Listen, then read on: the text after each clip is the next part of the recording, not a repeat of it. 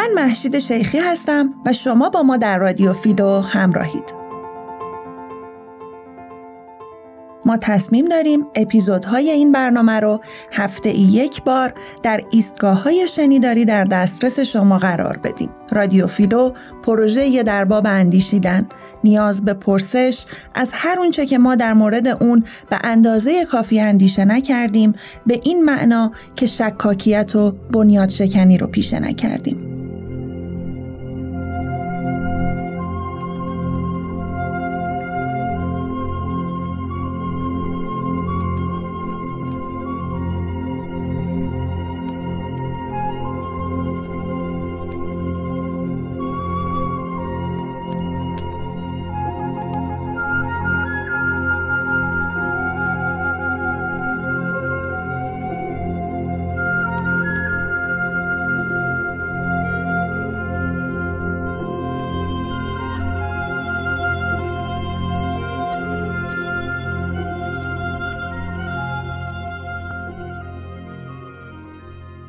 دوستان و همراهان درود در اپیزود شماره دوازده رادیو فیلو به ادامه بررسی مناسبات جنسی و چگونگی گذار از دوره ساسانی به دوره اسلامی پرداختیم و چگونگی تغییر مناسبات اجتماعی و جنسیتی در طبقات مختلف اجتماعی رو بررسی کردیم. اول از طبقه فوقانی جامعه یعنی دربار شروع کردیم و در خصوص حرم سراهای ساسانی توضیحاتی دادیم و مثالهایی از حرمهای عریض و طویل قباد و خسرو پرویز و دیگران و کلیت زیست جنسی و نظام جنسیتی پادشاهان ساسانی آوردیم تا بتونیم این مفهوم رو بازگو کنیم که نظام حرم در میان اعراب تداومی بود از اونچه که از قبل در سیستم پادشاهی ایران وجود داشت و پس از حضور عرب و آشنایی با این فرهنگ حاکم بر جامعه و دربار ایران و همچنین فتوحات عرب و روند رو به تزاید کنیزان و غلامان ترک و رومی و امثالهم این مناسبات تداوم پیدا کرد و تقویت شد. که همونطور که گفتیم در سست شدن پیوند زن و مرد و فروکاستن ارزش زن در جامعه حتی زنان اعراب که در صدر اسلام دارای جایگاه بسیار بالاتری بودند نقش بسیار موثری داشت. پس از توضیح جزئیات ساختار حرمسرا که به درک سیستم پشت پرده پادشاهی و خلافت در ایران کمک شایانی می‌کنه رسیدیم به تغییر مناسبات اجتماعی و جنسیتی در دهقانان و گفتیم که سیستم چند همسری و زندگی حووار چند زن یک مرد دهقان در مجموع باعث تنزل اخلاقی زیست روستایی در ایران شد و توازن روابط رو از میان برد و اجحاف ها و رقابت هایی رو به وجود آورد که شاید زندگی نسل های زیادی رو به تباهی کشوند. در مورد چند نوع ازدواج رایج در طبقه دهقان در دوران ساسانی گفتیم که از بحث‌های قبلی به جا مونده بود و توضیحات اونها رو می‌تونین در اپیزود دوازدهم به تفصیل گوش کنین. بعد رسیدیم به طبقه بعدی یعنی بردگان و گفتیم که نظام بردهداری ساسانی علا رغم دستورات اسلام به دلیل مناسبات فعودالی و نیاز به کار فیزیکی و جنسی بردگان ادامه پیدا کرد و روند رو به تزاید هم یافت و بازارهای برد فروشان روزگار پر رونقی داشتند. کنیزانی که مملوک زندگی حرمی یا مملوک زندگی چند همسری دهقانی بودند و کودکان بیشناسنامه‌ای به دنیا می آوردن که پدرانشون از پذیرفتن اونها سرباز می زدن که نمونه های زیادی از اونها رو در تاریخ می‌تونیم ببینیم. بسیار خوب. وعده داده بودیم که در مورد قیام زنجه یا صاحب و زنج که قیام معروف بردگان هست و ارتباط اون با منصور حلاج صحبت می‌کنیم این اپیزود رو با توجه به ارتباط تنگاتنگ با بحث حاضر به این موضوع اختصاص خواهیم داد.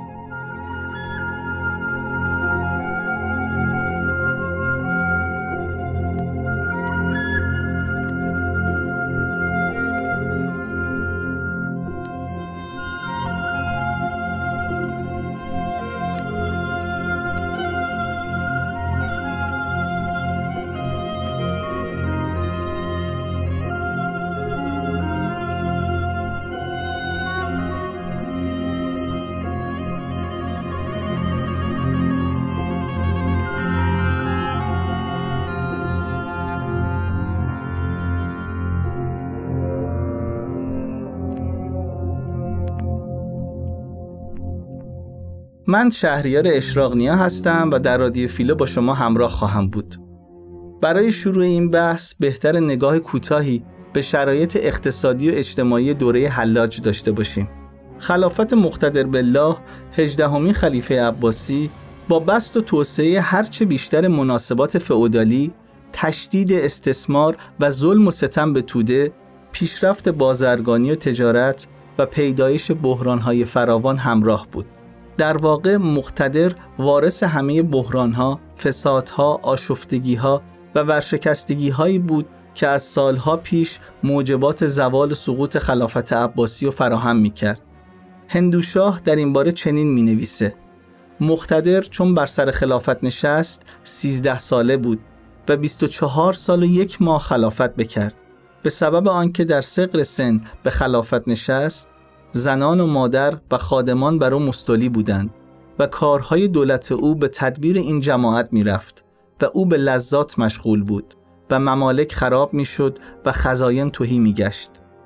دربار مقتدر جلوگاه مهد اولیاها، ملیجکها، کریم شیرهی ها و حاج میرزا آقاسی های زمان قاجار و خواستگاه توطعه ها و تبانی ها و میادگاه وزیران و فرماندهانی بود که قارتگری و چپاول و اجحاف و احتکار رشوهگیری و ترور سیاسی در دستور روزشون قرار داشت. تبری و ابن اسیر بیان می کنند که در زمان بیعت با مقتدر 15 میلیون دینار در خزانه بوده که پس از مدت کوتاهی به دلیل تجملات و هزینه های سرسام‌آور جنگی و شورش ها و قیام های وسیع توده‌ای بیت المال با ورشکستگی وحشتناکی روبرو میشه.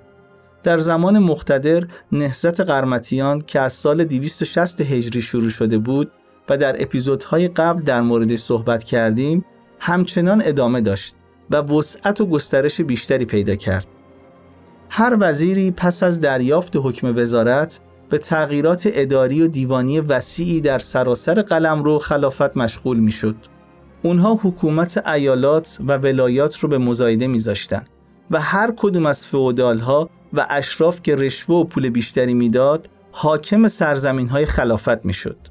اینجور مزایده ها و رشوه خاری ها که اون رو مرافق الوزرا می‌گفتن در حکومت مقتدر اونقدر رواج داشت که میگن خاقانی وزیر در یک روز از 19 نفر به 19 طریق رشوه گرفت و برای همه اونها حکم فرمانداری کوفه را نوشت و هر یک از اونها وقتی به کوفه رسیدن خودشون رو فرماندار اونجا تصور می‌کردن.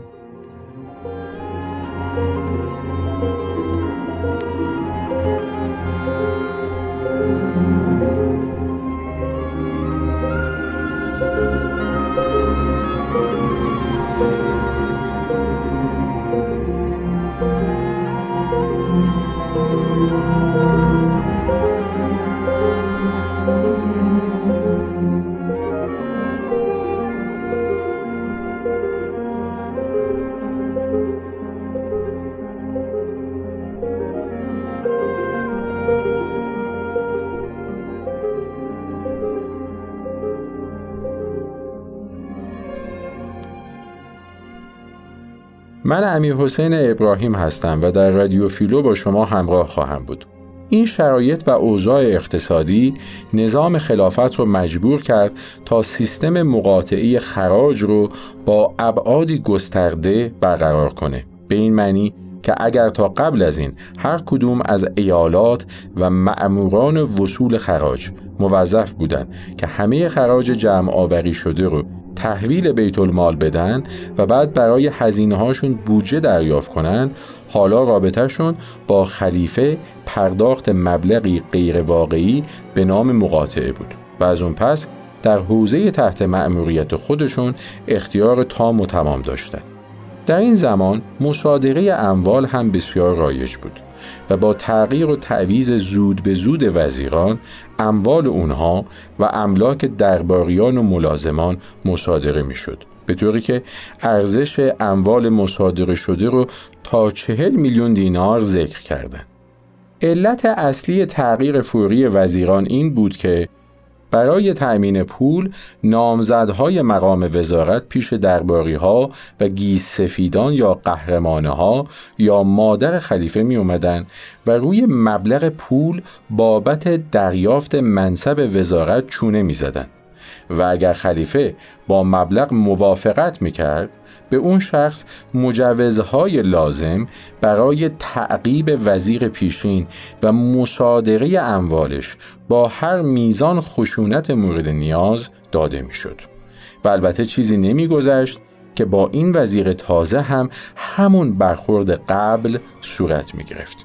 و بسا وزیرانی که برای بار دوم و سوم سر کار می اومدن ولی این بار با روحیه انتقام جویی و قصاص و آشفتگی عجیبی رخ می‌داد که مردم رو در آتش جور و ستم میسوزوند. مثلا ابن فرات وزیر میگه خلیفه ده میلیون دینار مال منو مصادره کرد و من هم ده میلیون دینار از حسین ابن عبدالله جواهر فروش گرفتم. بنابراین اموال بازرگانان و سرمایهداران هم از مصادره در امان نبود. این فساد عظیم حکومتی باعث فقر و ورشکستگی توده ها و موجب پیدایش احزاب و دستبندی های سیاسی و شورش های متعدد شد. در سال 307 هجری مردم بغداد بر اثر گرانی خاروبار شورش کردند و بسیاری از های دولتی رو به آتش کشیدند. زندانها رو گشودن و زندانیها رو آزاد کردند. مقتدر سوار زورقی شد تا فرار کنه و مردم سنگسارش می‌کردن تا اینکه دستور داد در انبار قلات رو به روی مردم باز کردند. ضعف و انحطاط حکومت مرکزی باعث شد تا در دوره مقتدر عباسی فقط در عراق و خوزستان و فارس بین النهرین و سوریه و بسره خلیفه و فرمانروای مطلق بدونند و در عمان و آذربایجان و ارمنستان و بعضی دیگه از ایالات او رو به رسمیت نشناسند. در همین دوران عبیدالله خلیفه فاطمی در شمال افریقا و عبدالرحمن سوم خلیفه اوموی در آندلوس لقب و رسوم خلافت گرفتند و به این ترتیب در یک زمان سه خلیفه بر جهان اسلام حکومت می‌کرد و در عین حال ایشان با یکدیگر در نزاع هم بودند. گذشته از همه این حوادث که به نابسامانی در وصول مالیات و توهی شدن خزانه می انجامید مسئله دیگه هم بود اون هم پایان سیاست مسلمانسازی خلقها که این امر هم موجب عدم پرداخت جزیه یا مالیات مذهبی می شد.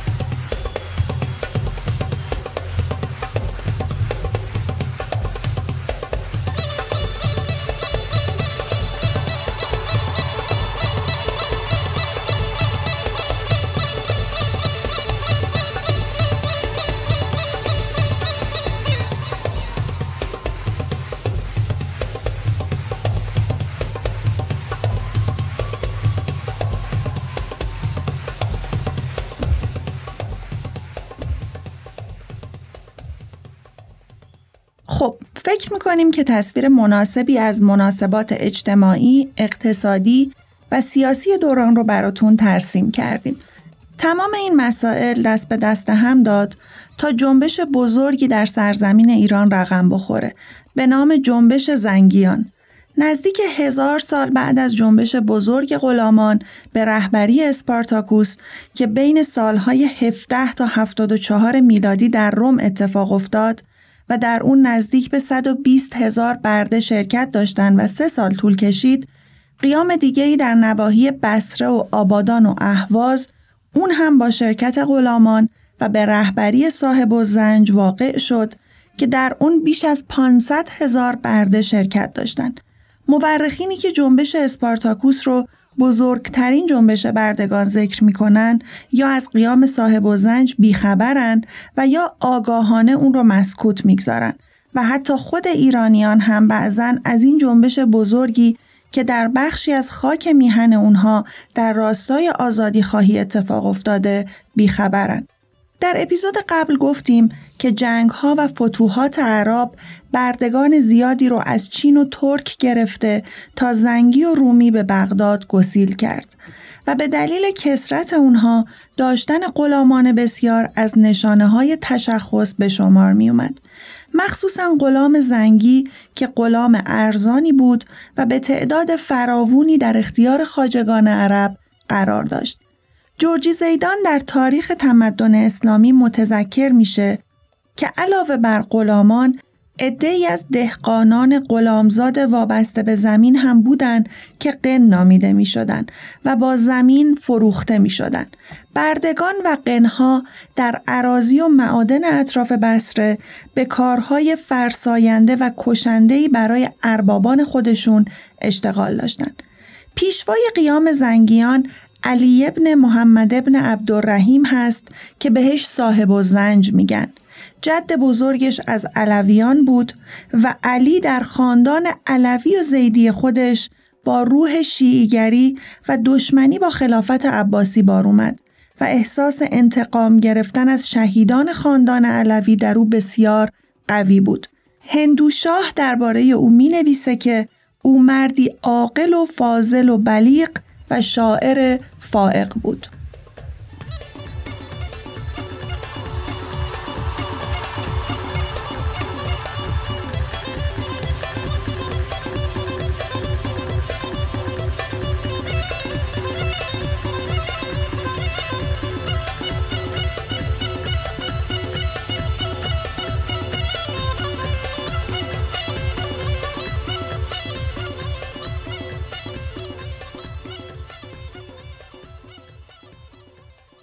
یکی از نمونه های کار تبلیغی صاحب و زنج رو ابن اسیر در کتاب خودش نقل کرده و چنین می نویسه غلامان بسره را دعوت کرد و بسیار کس از ایشان به خاطر رهایی از سختی بردگی به دو پیوستند و صاحب و زنج برای آنان خطبه خواند و وعده داد که ایشان را خداوند مال و زمین خواهد کرد و سوگند یاد کرد که به آنان خیانت نکند و در کوشش کوتاهی نورزد.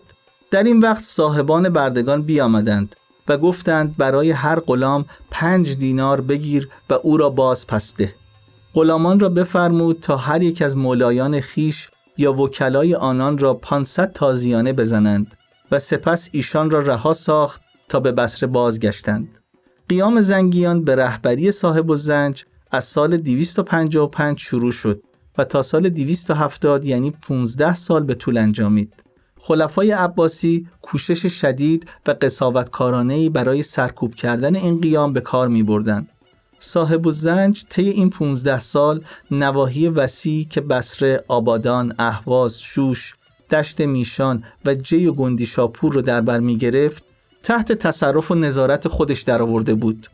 شکست صاحب و زنج فقط نتیجه قدرت سپاه بغداد و خدعه موفق و سردارانش نبود بلکه دارای علل اجتماعی بود صاحب و زنج و یارانش که دست به قیام زده بودند در طول مبارزه و پس از فتوحات اولیه و به دست آوردن قناعم و اسرا به تدریج خودشون کمابیش دچار همون معایبی شدند که علیه اون برخواسته بودند.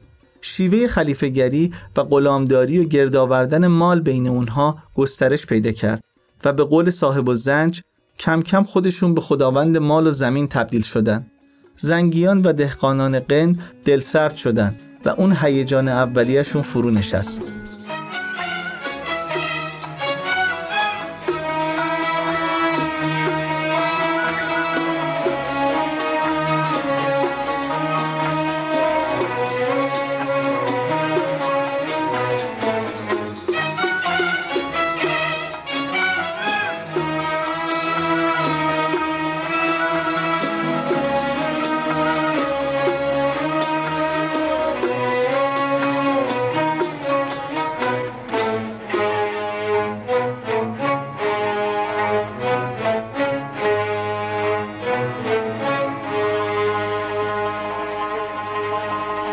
go.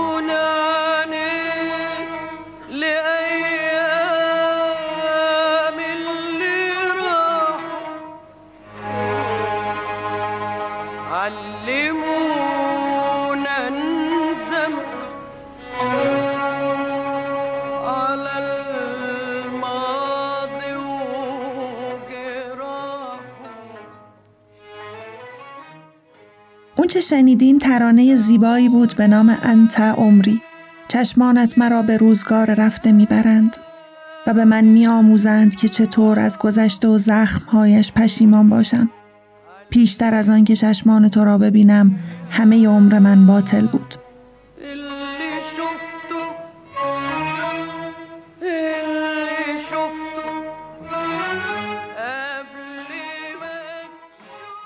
بیراه نرفتیم. اگر صدای جادویی ام کلسوم رو به نشانه ای از هویت دنیای عرب نسبت بدیم.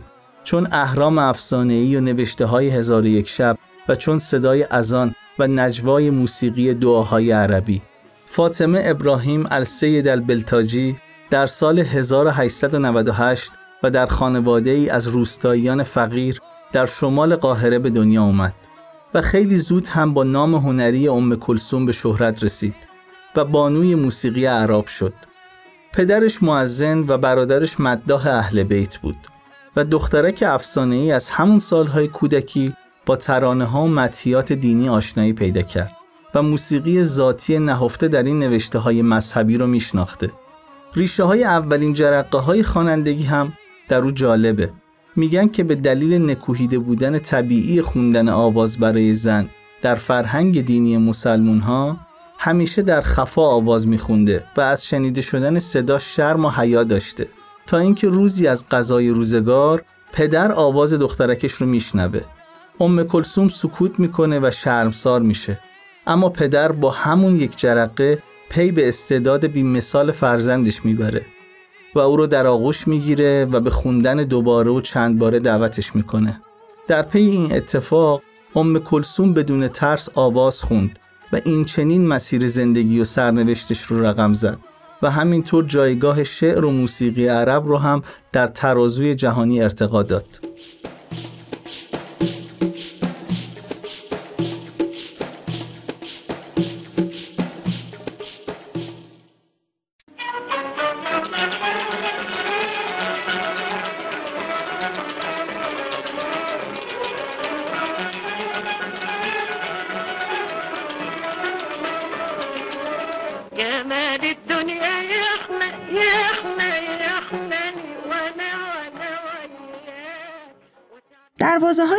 شهرت و ثروت توی 20 سالگی به روی ام کلسوم باز شد.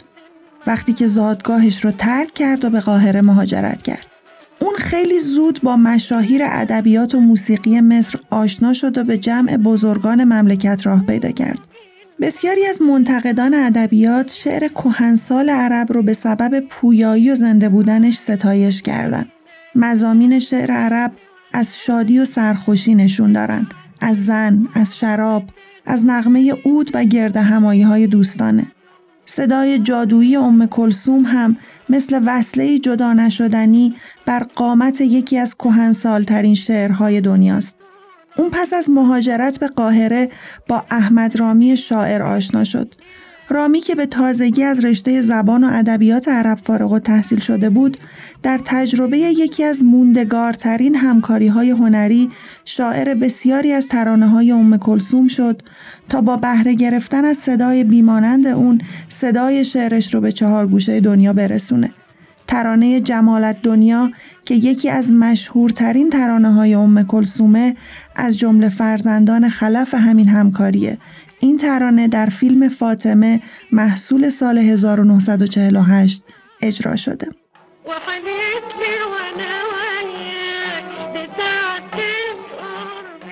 در سال 1934 رادیوی مصر افتتاح شد تا صدای اسطوره‌ای ام کلثوم در اختیار بسیاری از مردم دنیا قرار بگیره.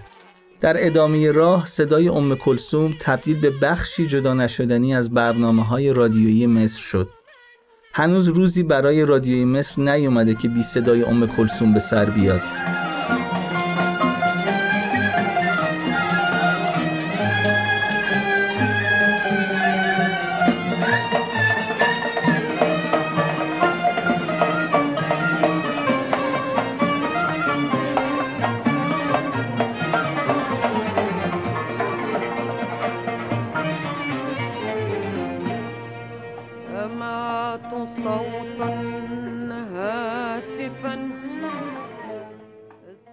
مفاهیم و مزامین اشعار خیام به طرز شگفت آوری در شعر عرب باستولید شدند و همین یکسانی ها شعر خیام رو به دیده ام کلسوم و احمد رامی جالب آوردن.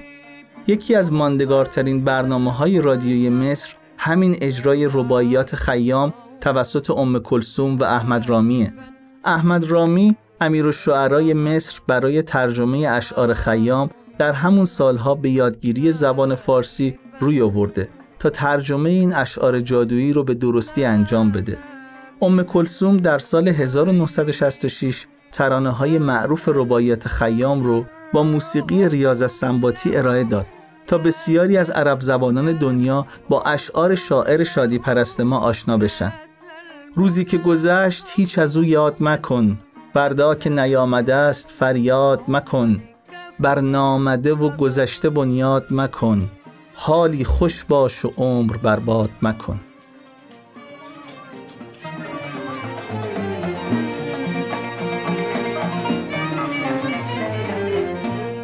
لا تشغل البال بماضي الزمان.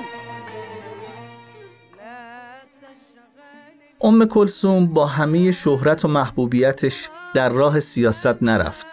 اما در همه هنگامه های تأثیرگذار ملی از کیسه هنرش خرج کرد او در سالهای اولیه دهه 1950 از جنبش ملی مصر حمایت کرد و در سال 1952 پس از وقوع انقلاب مصر آوازخان سرود وطن شد که به گونه‌ای به سان سرود ملی مصر بود. همچنین پس از وقایع کانال سوئز که به اشغال مصر انجامید ترانه مصر از خود می‌گوید رو اجرا کرد تا شور مردم رو زنده نگه داره. همچنین سوگنامه جمال عبدالناصر که در سال 1970 با ترانه نامه‌ای به رهبر در سوگ این رهبر بزرگ مصر مویه کرد. شعر این ترانه رو نزار قبانی شاعر معروف سوری سروده بود. حبيبنا قائدنا عندي خطاب عاجل إليك.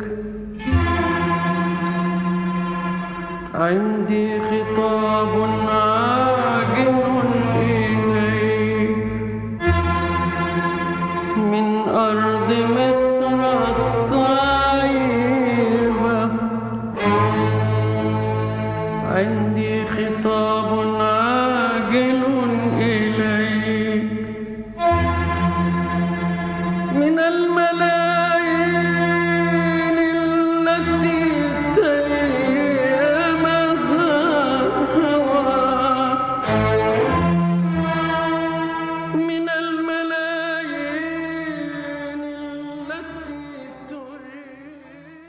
من یک پیام فوری برای رهبر دارم. پیامی از خاک پاک مصر، از خیل هواداران و دوستدارانت، از خیل آنها که آرزوی دیدار تو را دارند. بانوی موسیقی عرب در مقام خونی هم استاد بود و همچنین دقایق طولانی از اجراش رو بدون ساز می‌خوند. در ادامه زندگیش در فاصله سال 36 تا 48 در چند تا فیلم سینمایی ایفای نقش کرد و آواز خوند تا از این جانبم به تاریخ هنر سنجاق شده باشه.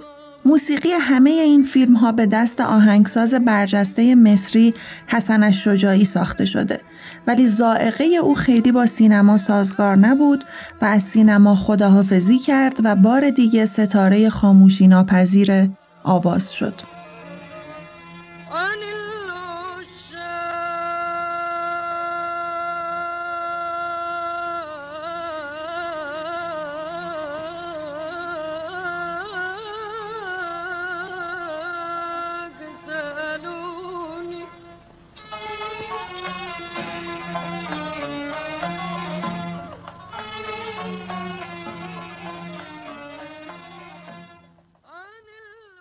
درباره اشاق از من سوال کردند و من چیزی از عشق نمی‌فهمم. شنیدم که می‌گویند اول عشق شیرین شیرین است و آخرش تلخ. قصه نخوابیدن هاست و مویه کردن ها. چیزی در آن است مهربانتر از عذاب. و می‌گویند هر که به عشق اعتراف کند در غم و ماتم می شود و هر که عشقش را پنهان کند پیر و ناتوان می شود. بگویید بگویید از اشاق از آنها که قلبشان را هدیه دادند و پشیمان نشدند. ولی بگذارید من دور از این عوالم زندگی کنم.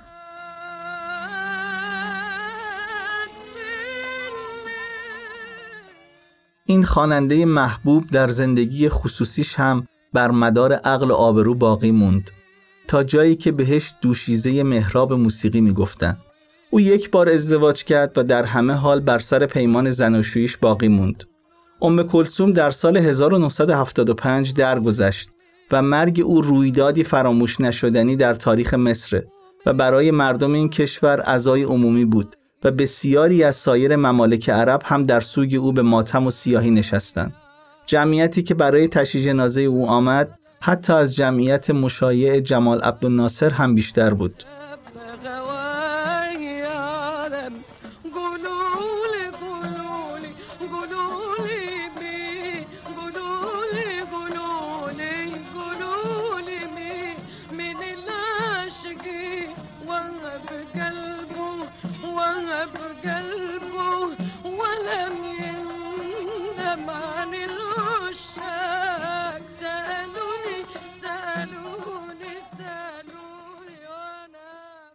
بسیار خوب. حالا که در مورد قیام زنگیان و زمان وقوعش مطالبی رو شرح دادیم می‌خوایم به منصور حلاج و زندگی و عقایدش و ارتباطش با این جنبش های مخالف خان بپردازیم. اونچه که از منابع تاریخی به دست میاد اینه که حسین ابن منصور حلاج در سال 244 هجری در تور متولد شده. او از نواده های یک ایرانی زردشتی به نام ابو ایوب شهابه. ولایت تور از توابع بیزا بود و بیزا به خاطر نزدیکی با شیراز و بنادر خلیج فارس دارای موقعیت اقتصادی خوبی بود. همچنین به خاطر موقعیت استراتژیک خودش لشکرگاه سپاهیان خلفای عباسی بوده و زبان عربی در اونجا رواج داشته به طوری که سیبویه نحوی استاد مسلم قواعد زبان عرب در همون شهر پرورش پیدا می‌کنه پدر حلاج پنبه فروش بود و در سفرهای تجاری خودش حلاج رو با خودش به واسط می‌بره تا در اونجا به تحصیل بپردازه. در سال 260 هجری حلاج در سن 16 سالگی برای تکمیل تعالیم خودش به بصره میره. سال 260 هجری در تاریخ اسلام و عباسیان از چند جهت بسیار سال قابل توجهیه. اول اینکه در این سال امام یازدهم شیعیان یعنی امام حسن عسکری وفات می‌کنه و غیبت مهدی موعود از این سال آغاز میشه. دوم اینکه از سال 260 هجری قیام قرمتیان در خراسان و دیگر سرزمین های اسلامی شروع میشه. یعنی زندقه رنگ سیاسی به خودش می‌گیره. سومی که در این سال حس وطنخواهی ایرانی باعث استقرار سلسله ایرانی سامانیان در خراسان میشه. سلسله بودایی تبار که توانست با توسل به امکانهای وطنخواهی برای خودش محلی از اعراب جستجو بکنه. چهارم اینکه در سال 260 هجری حکومت زنگیان یا همون قیام زنج در اهواز استقرار پیدا می‌کنه و محمد ابن یحیی کرنبایی اهوازی که از فرماندهان قیام زنج حاکم اونجا میشه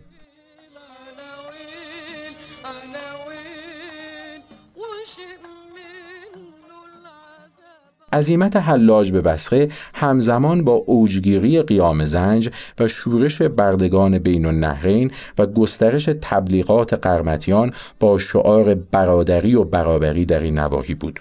و قبلا گفتیم که این شورش ها توسط ایرانیان تندرو رهبری می شد و بیشک حلاج که جوانی بسیار پرشور بود نمی‌تونسته از این جریان ها برکنار بمونه.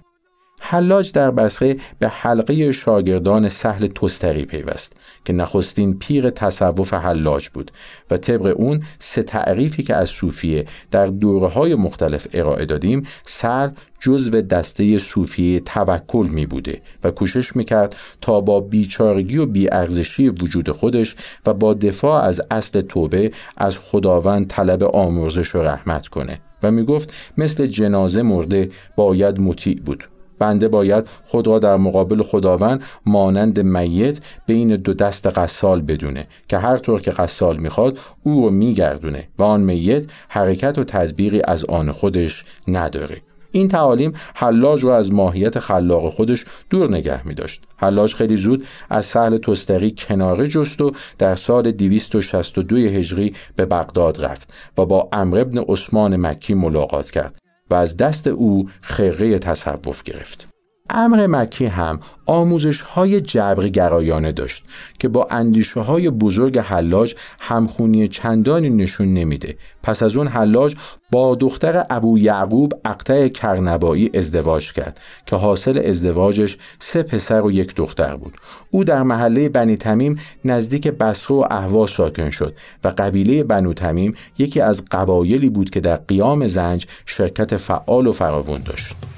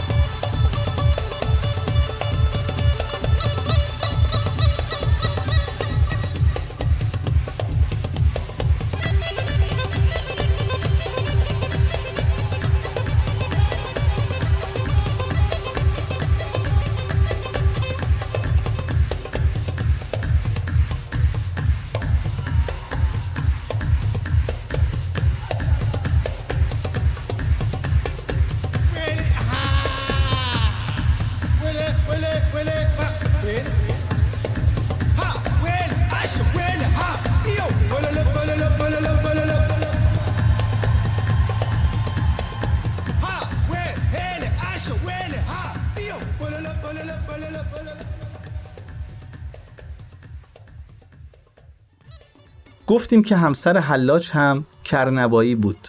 کرنبا محلی بود نزدیک اهواز که مردمش در قیام زنج شرکت مستقیم داشتند و محمد ابن یحیی کرنبایی چنان که گفتیم فرمانده برجسته شورشیان زنج در اهواز و شوش بود.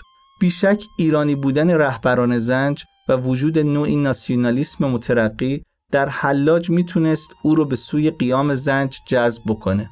به نظر می‌رسه که حلاج توسط برادر همسرش یعنی ابو سعید کرنبایی با ایدئولوژی رهبران زنج آشنا شده و به اتهام فعالیت‌های سیاسی و رابطه با عناصر متفکر قیام زنج در دبرا دستگیر و شکنجه و زندانی شد. در همین دوران حلاج اختلافاتی هم با امرو مکی پیدا می‌کنه و ازش جدا میشه و به حلقه جنید بغدادی میپیونده. اندیشه های عرفانی جنید هرچند که نسبت به سهل تستری و امرو مکی انعطاف پذیرتر بود اما باز هم با افکار و ذهن خروشان حلاج موافق نبود. با این حال جنید با حلاج مصاحبت و دوستی داشت. در تذکرت الاولیا اثر عطار نیشابوری چنین اومده.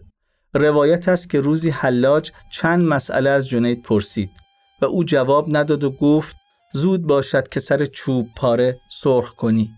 حلاج نیز به جنید پاسخ داد آن روز که من سر چوب پاره سرخ کنم تو جامعه اهل صورت پوشی. روایت عطار با همه ایجاز و اختصار خودش نشون دهنده افق فکری آینده حلاجه. آیا پرسش حلاج از جنید چی بوده که او از جواب دادن به اون میترسه و پرهیز می‌کنه و به حلاج هشدار میده که روزی به خاطر چنین سوال و اندیشه‌ای چوبه دار رو به خون خیشتن سرخ خواهد کرد. در دوره بعدی فکری حلاج او از تصوف توکل و تسلیم به تصوف تقیان می‌رسه. با زکریای رازی دانشمند و متفکر بزرگ ملاقات می‌کنه و به وسیله او با فلسفه یونان آشنا میشه. رازی اساساً یک متفکر مادی بود و عقایدش در تفکر حلاج تأثیر بسیار عمیقی داشت. رازی اعتقادی به انزوا و ترک دنیا نداشت و در حیات اجتماعی شرکت می‌کرد و در عین اون که در زندگی خصوصی خودش راه قناعت رو پیش گرفته بود از معاشرت با توده ها و برخورد با فرمان روایان و بیان حق با الفاظ سریح و روشن امتناع و حراس نداشت. به نظر می‌رسه در همین زمان و تحت تأثیر اندیشه های رازی بود که حلاج خرقه صوفیانه رو ترک کرد. گفت این رسوم همه نشان تعلق و عادته و این هر دو مانع راه هستند. حمد پسر حلاج در این رابطه میگه که پدرم خرقه صوفیان رو به دور افکند و بیش از پیش با مردمان دنیا معاشرت رو شروع کرد. به این ترتیب درست در وقتی که شعار عامه متصوفین و متفکرین دوری کردن از خلق و چله نشستن در برج آجهای تئوری و نظر بود حلاج تمام اصول و سنتهایی که او رو از مردم دور نگه می داشت لگت کوب کرد و برای تبلیغ و بیداری توده ها به میان اونها رفت و این عقیده رو ترویج می کرد که ظهور عمل آغاز آزادیه.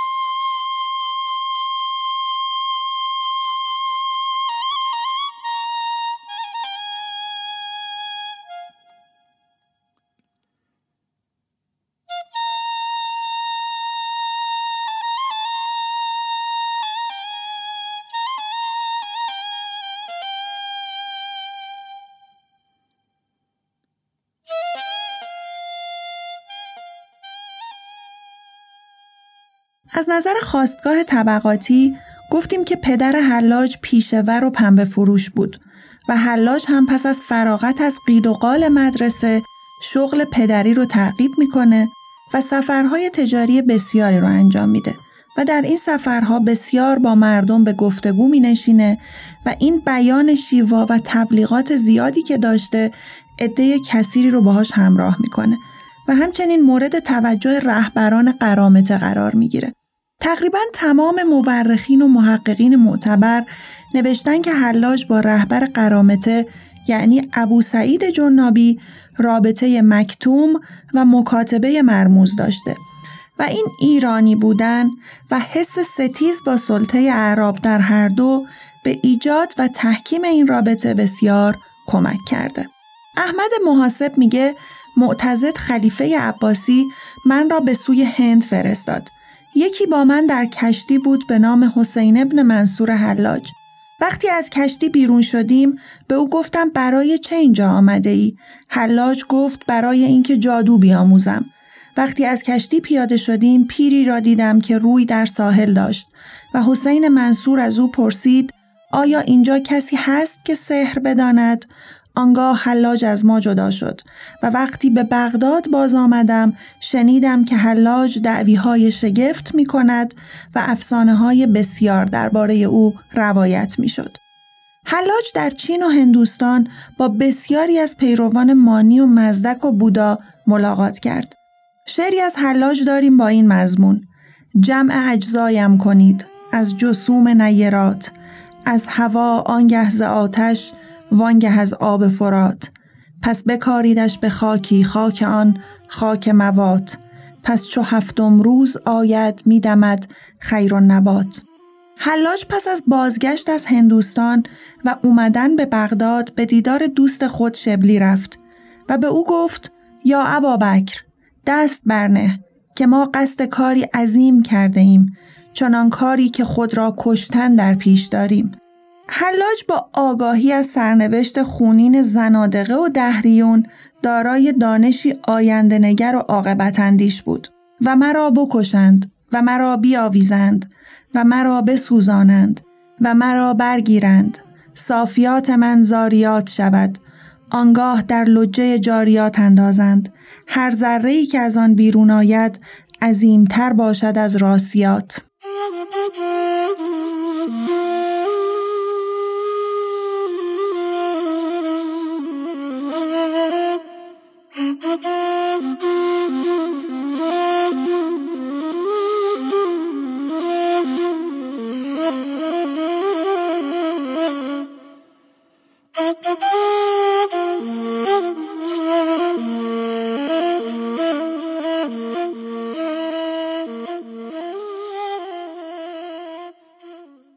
حلاج معال اندیش بود اما این دانش و دانایی به هیچ وجه مسلحت اندیش و سازشکار نبود و ضرورت چنان دانش و بینش و درون مایه عشق او به خلقها خطر کردن و حراس نداشتن بود. در قطعه 24 اشعار الحلاج چنین می‌خوانیم. عشق تا نهفته است در معرض هلاکت و نابودی است. عشق وقتی به امن و امان می‌رسد که با خطری روبرو گردد. عشق از نظر حلاج فعال بودنه نه انفعال. پایداریه نه اسارت. عشق او به خلق یک عشق انحصاری نیست بلکه یک عشق ایثاریه. و این چنینه که به این روایت عطار در تذکرت الاولیا برمیگردیم. به هنگام مرگ کسی در آن میان از او پرسید که عشق چیست؟ حلاج گفت امروز بینی و فردا بینی و پس فردا. آن روزش بکشتند و دیگر روز بسوختند و سیوم روز خاکسترش به باد بردادند. یعنی عشق این است. ابن تقتقی درباره حلاج می نویسه و سپس فساد اندیشه و دگرگونی روش او آشکار گردید و از مذهبی به مذهب دیگر پیوست. ابو ریحان بیرونی درباره زندق اندیشی حلاج می نویسه سپس ادعای حلاج این شد که روح القدس در او حلول کرده و خود را خدا دانست. ابن ندیم که از ابو ریحان به زمان حلاج نزدیکتره با بیرونی همداستانه که منصور حلاج زندیق می بوده. در اینجا لازم می‌دونیم یک بار دیگه تعریف زندیق رو بر اساس بیان جاهز در کتاب البیان و تبیین بازگو کنیم. زندیق کسی است که کتب مانی و مزدک را معدن علم می‌داند در حدیث و سنت به دیده تردید مینگرد در اشتغال حرفه وراقی و نسخه پردازی و خطابه میدارد در تفسیر به مذهب ابن عباس گرایش مییابد در کلام نزدیک به معتزله است در مواجهه با حکومت میل به مخالف خانان شیعی دارد و در نهایت اینکه منظومه جامعه موجود را به دیده نقد می نگرد. همچنین می نویسه که حلاج نسبت به پادشاهان جسور و در باجگون کردن حکومتها از ارتکاب هیچ گناه بزرگی رویگردانی نداشت. عبدالقاهر بغدادی مورخ و فرنگار مشهور اسلامی تأکید می‌کنه که حلاج مردی انقلابی و تقیانگری بیباک بود تا جایی که دستگاه خلافت از بیم شورش به دشمنی او برخواست و به زندانش افکند. مستشرقین اروپایی هم یادآور میشن که حلاج رو بیشتر به جهاد و علل سیاسی به قتل رسوندن. حلاج متفکری برجسته و شیر بیشه تحقیق بوده و در علم سیاست دستی بلند و اطلاع عظیم می داشته و رسالات فراوانی در سیاست و وزارت نگاشته که چند جلد اون به دوست نزدیک خودش همدان قرمت اهدا شده و چنان نبوغ سیاسی می داشته که پذیرفتن خلافت رو به او پیشنهاد کرده بودند. ابن مسکوی تصریح می‌کنه که ناشران وراقان و کتاب فروشان رو احضار کردند و از اونها تعهد گرفتن که دیگه کتابهای حلاج رو نفروشن و منتشر نکنن. باری حلاج در سراسر قلمروی اسلامی تا هند و چین پیروان و یاران فراوانی داشته. توده های مردم در نامه های خودشون به حلاج او رو مقیس یعنی فریادرس مستلم یعنی انقلابی و ریشه برانداز و منظر یعنی اصلاحگر خطاب می‌کردند. توجه به این نامها و القاب از یک طرف نشانگر تقدس شخصیت حلاج نزد توده ها و از سوی دیگه بیانگر شخصیت انقلابی او در دوران تاریخی معین خودشه.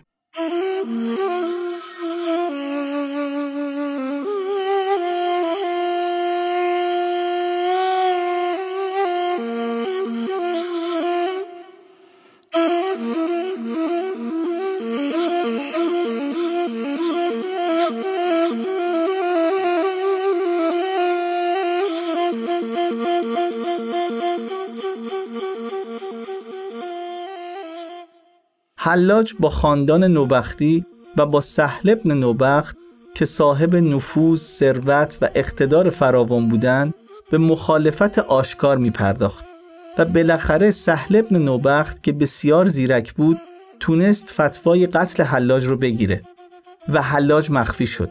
در همین هنگام یعنی در سال 296 کودتایی بر علیه خلیفه به وسیله عده‌ای از اصلاح طلبان و هواخواهان و پیروان حلاج و عناصر قرامته اتفاق افتاد. ولی این کودتا پس از آشوب و خونریزی زیاد به شکست منجر شد و مقتدر دوباره بر سر کار اومد و همدان هم متواری و مخفی شد و دستگیری و تعقیب او و حلاج و برخی دیگه که عاملان اصلی کودتا بودند در دستور کار روز خلافت عباسی قرار گرفت. ابن مسکوی و ابن جوزا می نویسن که نامه ها و مکاتباتی که از حلاج و یاران او کشف شد همگی با کلمات رمز نوشته شده بود به طوری که جز نویسندگان و گیرندگان آن کس دیگری قادر به فهم و خواندن آن نامه ها نبود و وابستگی حلاج به نهضت قرمتیان و استفاده حلاج از خط رمزی مقرمت رو تایید و تاکید می کنند.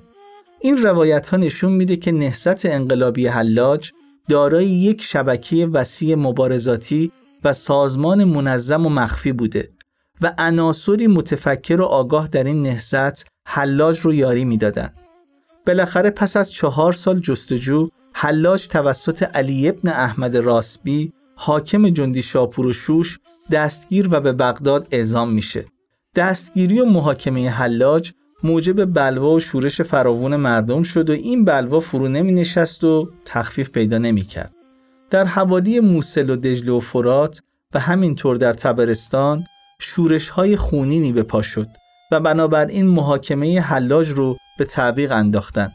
حلاج 8 سال در زندان خلافت عباسی بود و در این مدت توده ها و پیروان او تلاش در آزادی او داشتند و فعودال ها و پشتیبانان درباری برای محاکمه و ادام او کوشش می‌کردند.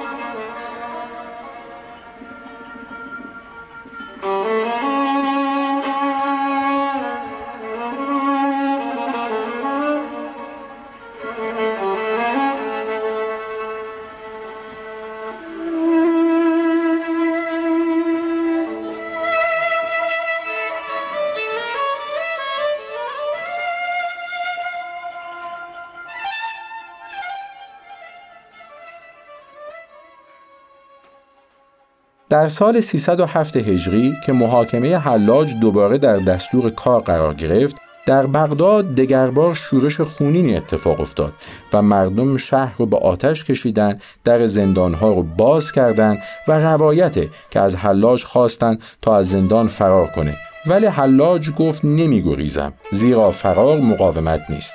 نوعی همخانی و همپوشانی غریب میان حلاج و سقراط در اینجا قابل تأمله.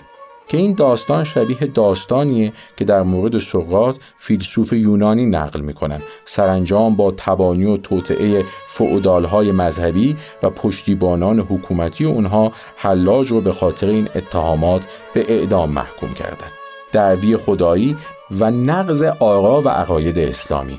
عضویت در سازمانهای سری و وابستگی به نهضت اشتراکی قرمتیان و تبلیغ عقاید اون فرقه. بی احترامی به شعایر مذهبی و معاوضه با قرآن و تشویق و تحریک افراد به ویران کردن خانه کعبه. فعالیت های ضد دولتی و در نهایت مخالفت با حکومت عباسی. جالبه که خود مقتدر عباسی خلیفه وقت تحت تأثیر شخصیت نفوذ ناپذیر و راسخ حلاج قرار گرفته بود. تمایلی به کشتن او نشان نمی‌داد. ولی وزرا به او می‌گفتند که اگر حلاج رو نکشیم انقلاب بزرگی واقع خواهد شد. به هر روی اربابان و فعودالهای بزرگ بالاخره تونستند موافقت خلیفه رو برای اجرای حکم اعدام حلاج به دست بیارند تا قلم در دست قداری بود لاجرم منصور برداری بود.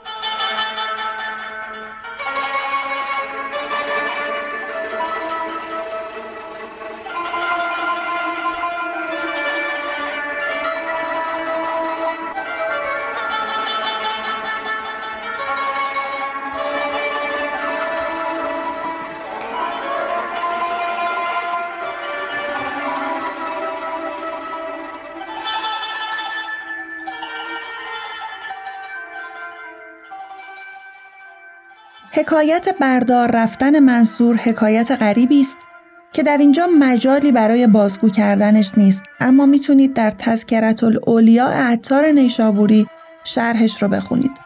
فقط یکی از روایات رو که در مورد دوست حلاج شبلی هست در اینجا میاریم. نقل می‌کنن که شبلی دوست حلاج رو هم بر پای دار حاضر می‌کنن تا به انکار عقاید حلاج بپردازه و با قتل او همراهی کنه و او رو متهم به کفر و بیدینی کنه. شبلی که زمانی والی دماوند بود و صاحب ثروت و نفوذ فراوون به دلیل ماهیت طبقاتی خودش به این پشیمونی و سازش تن در داد و به انکار حلاج پرداخت. در اینجا عطار روایت رو اینطور تعریف می‌کنه. پس هر کس سنگی میانداختند. شبلی موافقت را گلی انداخت. حسین ابن منصور آهی کرد. گفتند از این همه سنگ هیچ آه نکردی از گلی آه کردن چه سر است؟ حلاج گفت از آن که آنها نمی‌دانند معذورند. از او سختم می آید که می‌داند نمی باید انداخت. برتولت برشت انگار بعد از گذشت قرنها کلمات حلاج رو تکرار می‌کنه و میگه آنکه حقیقت را نمی‌داند نادان است اما آنکه حقیقت را می‌داند و انکار می‌کند تبهکار است. تأثیر حلاج بر فرهنگ و ادبیات ایران بسیار چشمگیر و عمیقه. حتی در فرهنگ آمیانه وقتی از پایداری و استقامت کسی سخن به میون میاد میگن چند مرد حلاجی.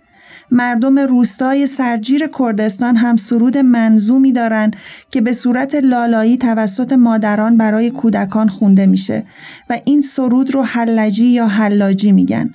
تفکر حلاج بر نهزتهای ملی زیادی تاثیر داشت مثل ازاقره، حروفیه، شورش شیخ بدرالدین سیماوی و نهزت عظیم پسیخانیان که در اپیزودهای آینده توضیحاتی در خصوص هر یک از این جنبش ها خواهیم داد.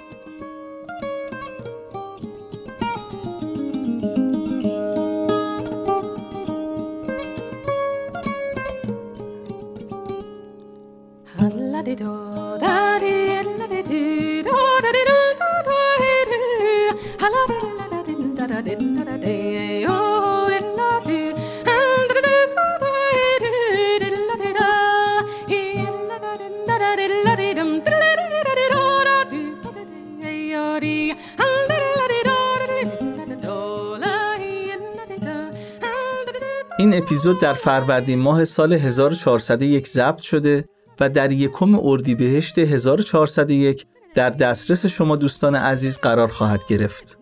راویان این اپیزود امیر حسین ابراهیم، شهریار اشراقنیا و محشید شیخی هستند. محتوای اپیزود به طور مشخص توسط امیر حسین ابراهیم آماده شده و پژوهش های مرتبط توسط محشید شیخی صورت پذیرفته. کارگردانی هنری و آماده سازی متنها توسط مهشید شیخی و شهریار اشراق‌نیا انجام شده. ضبط پادکست در اسفندیار استودیو انجام شده و میکس و مسترینگ صدا توسط محمد رضایی صورت پذیرفته. با سپاس از سهیل فاتحی عزیز بابت همراهی با این اپیزود رادیو فیلو. ما رو در اینستاگرام رادیو فیلو می‌تونید دنبال کنید که در اونجا بخشهایی از محتوای مربوط به هر اپیزود رو برای شما به اشتراک می‌گذاریم.